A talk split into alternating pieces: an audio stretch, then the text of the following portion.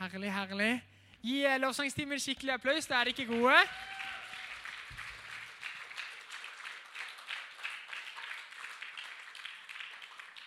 Det er veldig, veldig bra. For en gjeng, altså. Til og med Raimond her, som er ny i dag. Gi han en ekstra.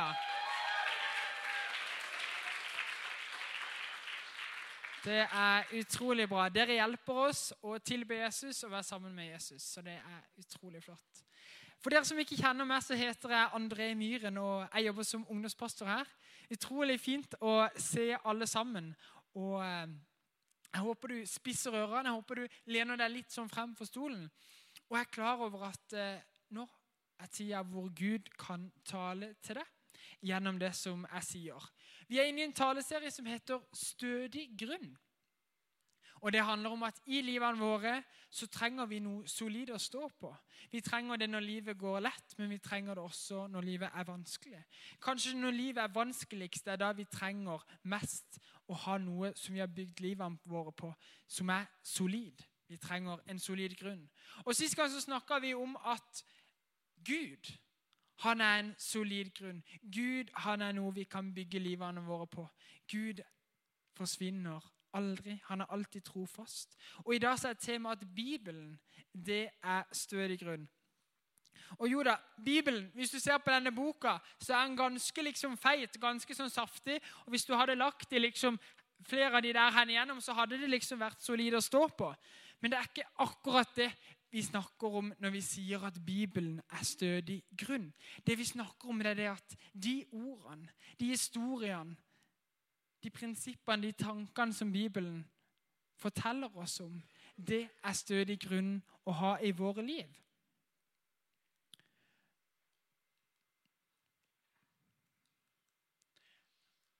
Ikke form din tro selv. Ikke form Gud selv.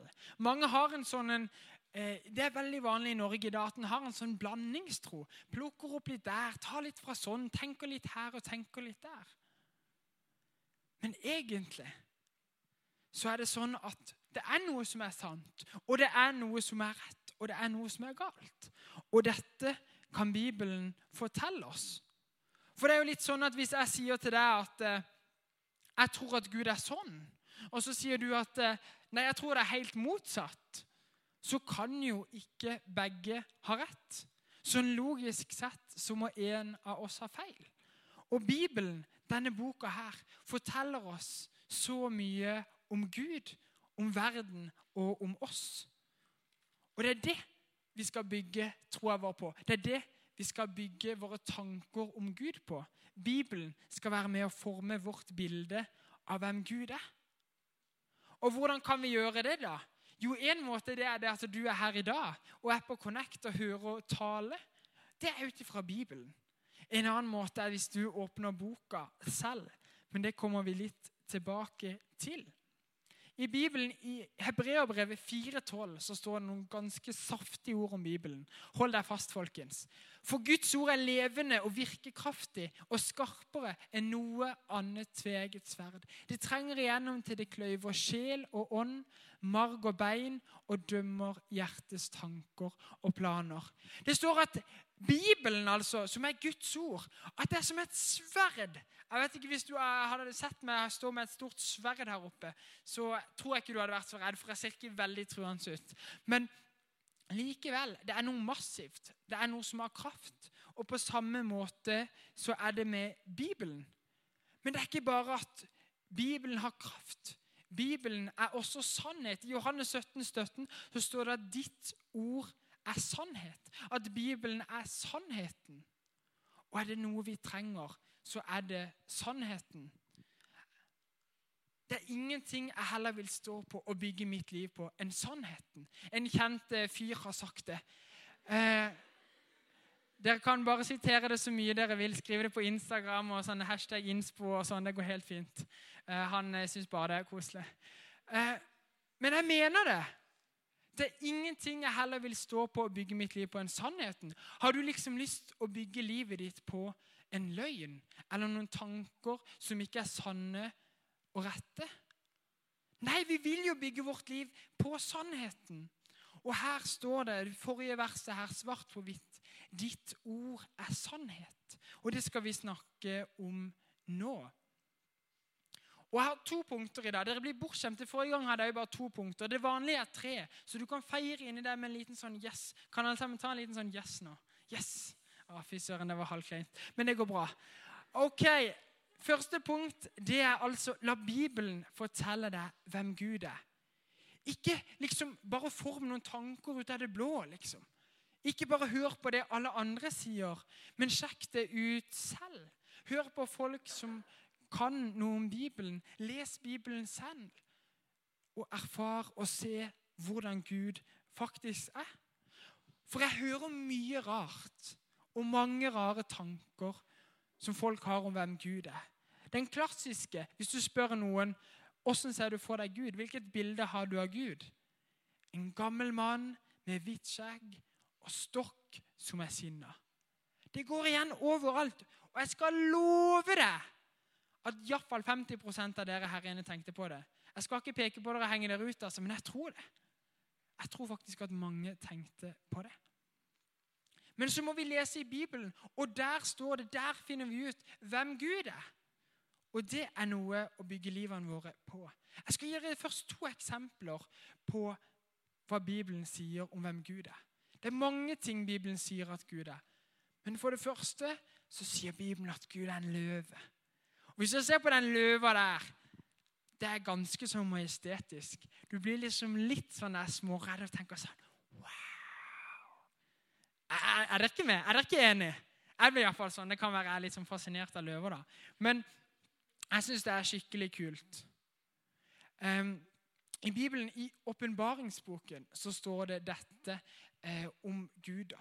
Gråt ikke, for løven av Judas stamme, Davids rotskudd, har seiret, og han kan åpne boken og de syv seilene. Og så var det litt sånn heftig språk, for den boka den siste boka i Bibelen. Og den bruker veldig sånn metaforer, hvis dere kjenner til det. Men poenget her det er det at veldig ofte i Bibelen så blir Gud sammenligna med et lite lam. Fordi at lam de ble slakta til ofre, og så ble Jesus slakta som et lam på korset. Men her står det at Gud er ikke bare liksom liten, koselig og blir slakta for vår skyld, men han er som en løve. Jeg vet ikke om noen av dere har sett eh, Narnia-filmene. Men i Narnia-filmene så er det en løve som heter Aslan.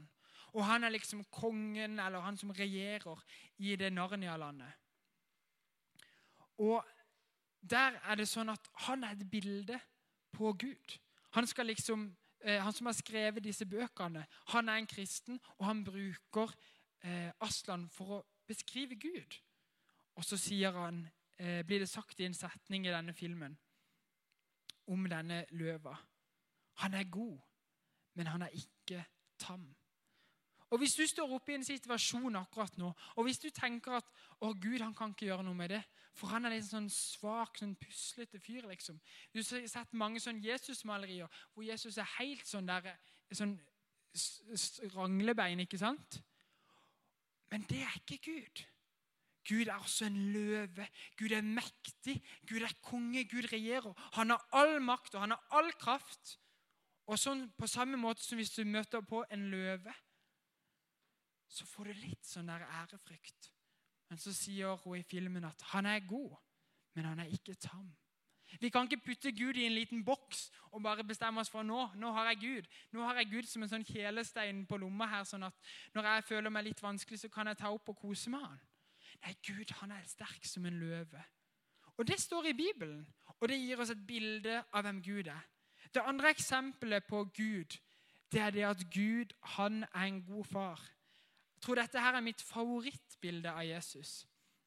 Vi vet jo ikke om det faktisk har vært akkurat sånn, da, men Jesus han var utrolig kjærlig med barna.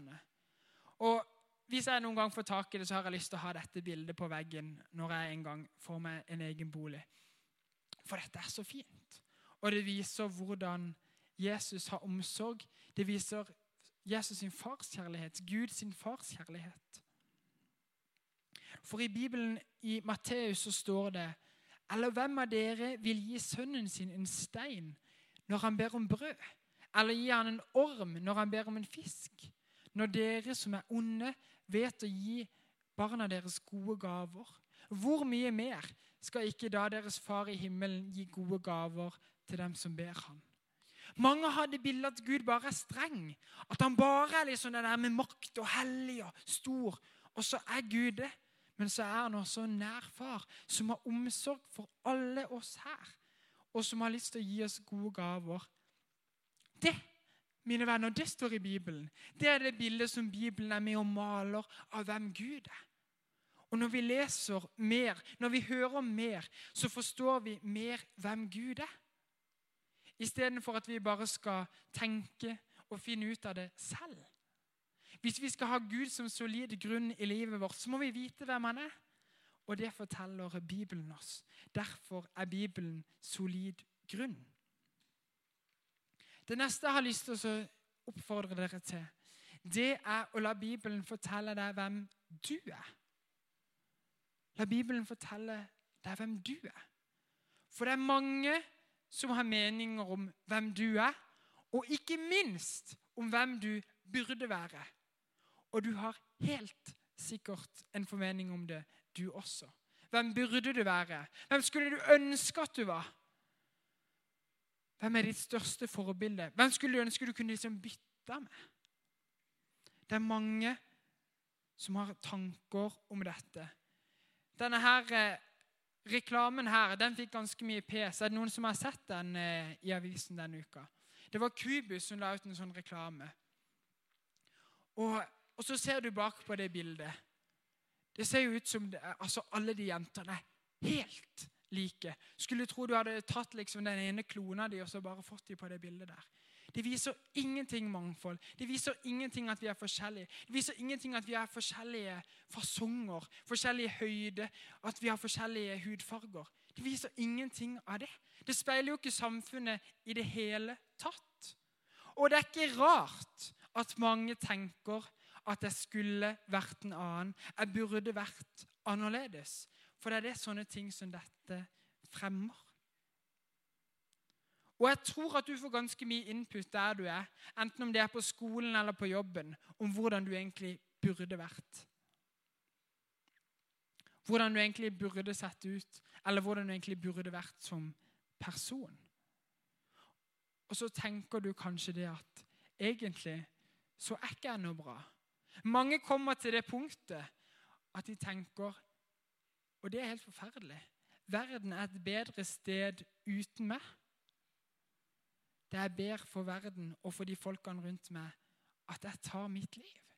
Så drastisk er det av og til.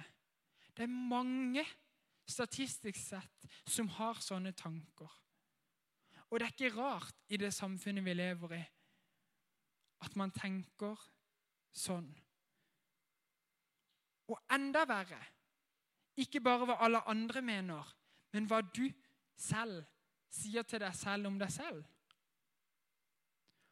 Hva hadde vært konsekvensen hvis du hadde snakka til andre mennesker på den måten som du snakker til deg selv inni ditt hode? Hadde det løfta andre mennesker opp, eller hadde det trykka dem ned i grusen? Jeg tror veldig ofte så snakker vi til oss selv inni vårt hode på en måte som er ødeleggende, og som er usann og usunn. Og vi trenger at Han som har skapt oss, skal fortelle oss hvem vi er, hvem vi er ment til å være. Og det er Gud.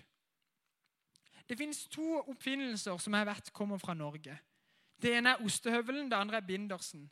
Hvis det er feil, så samme det. Nå later vi iallfall som det. Ikke sant? Ostehøvelen den er utrolig god på å skjære ost. Er vi enige? I hvert fall hvis det er en god en. Og vi har en god en hjemme, for å si det sånn. Jeg får ikke lov å ta den. Men den osten, nei, ostehøvelen der den er jo ikke noe særlig god til å holde ark sammen. Er vi enige om det? Men det er binderesen ganske god på. Få tommel opp for den. Fem pluss, ikke sant? Mens bindersen er utrolig dårlig til å skjære ost med. Men hvis, hvis, hvis denne ostehøvelen tenker at jeg burde vært som bindersen, for jeg vil gjerne holde ark sammen Ikke sant? Vårt samfunn dyrker fram én ting. Så se på det bildet bak meg. Én ting er bra, Akkurat sånn skal du se ut. akkurat sånn skal du gjøre. Kan ikke alle gå inn på det studiet? Kan ikke alle velge sånn i livet? Men du er unikt skapt av Gud. I Bibelen så leser vi dette.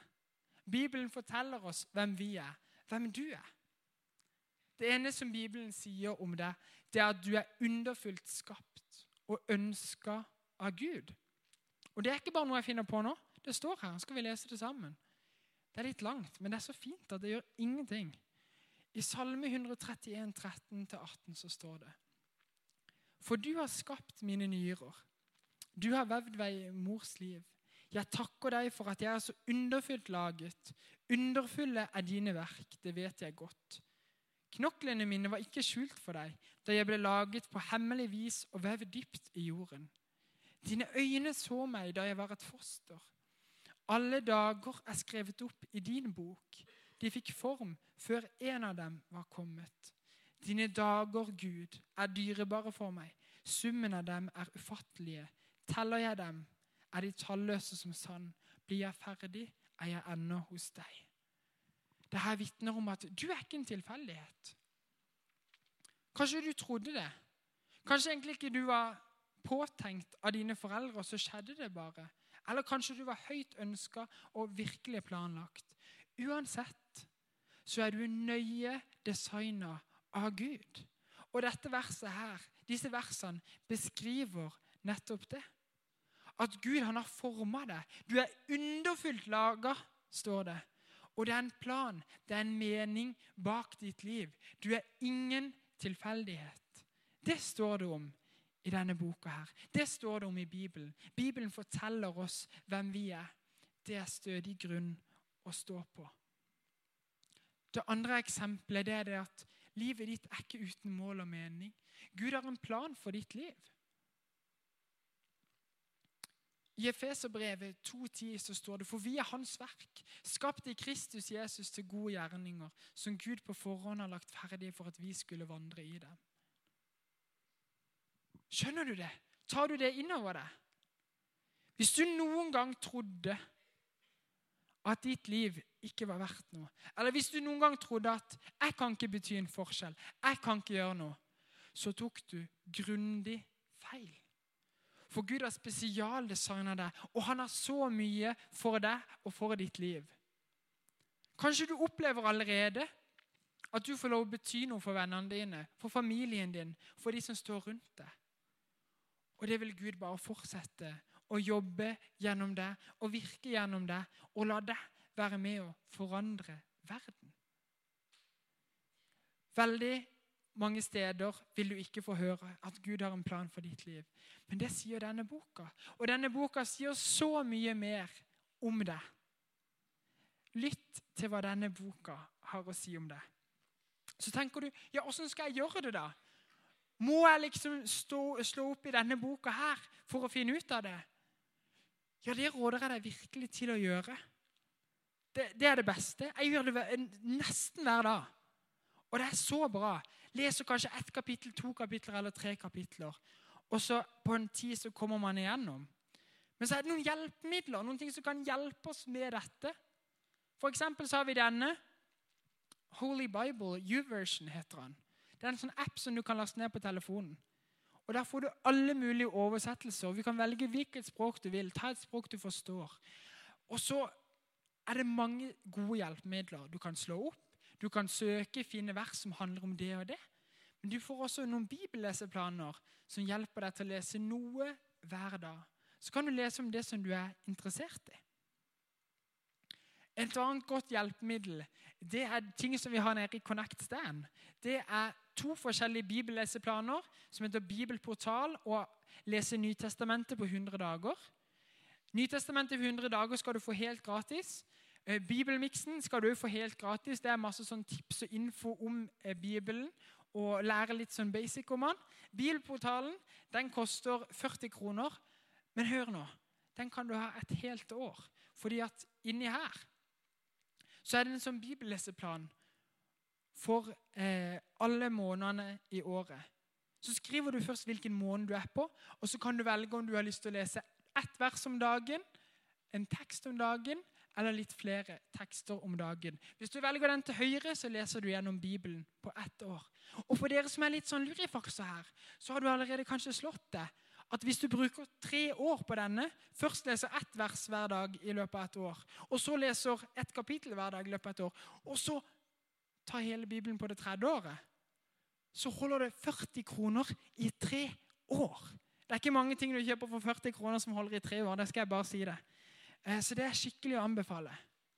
Og det siste det er noe som du kan finne på denne nettsida, som heter The Bible Project, eller på YouTube, som forklarer om en kort snutt om alle bøkene i Bibelen. Det er genialt å se på før du begynner å lese en bok i Bibelen.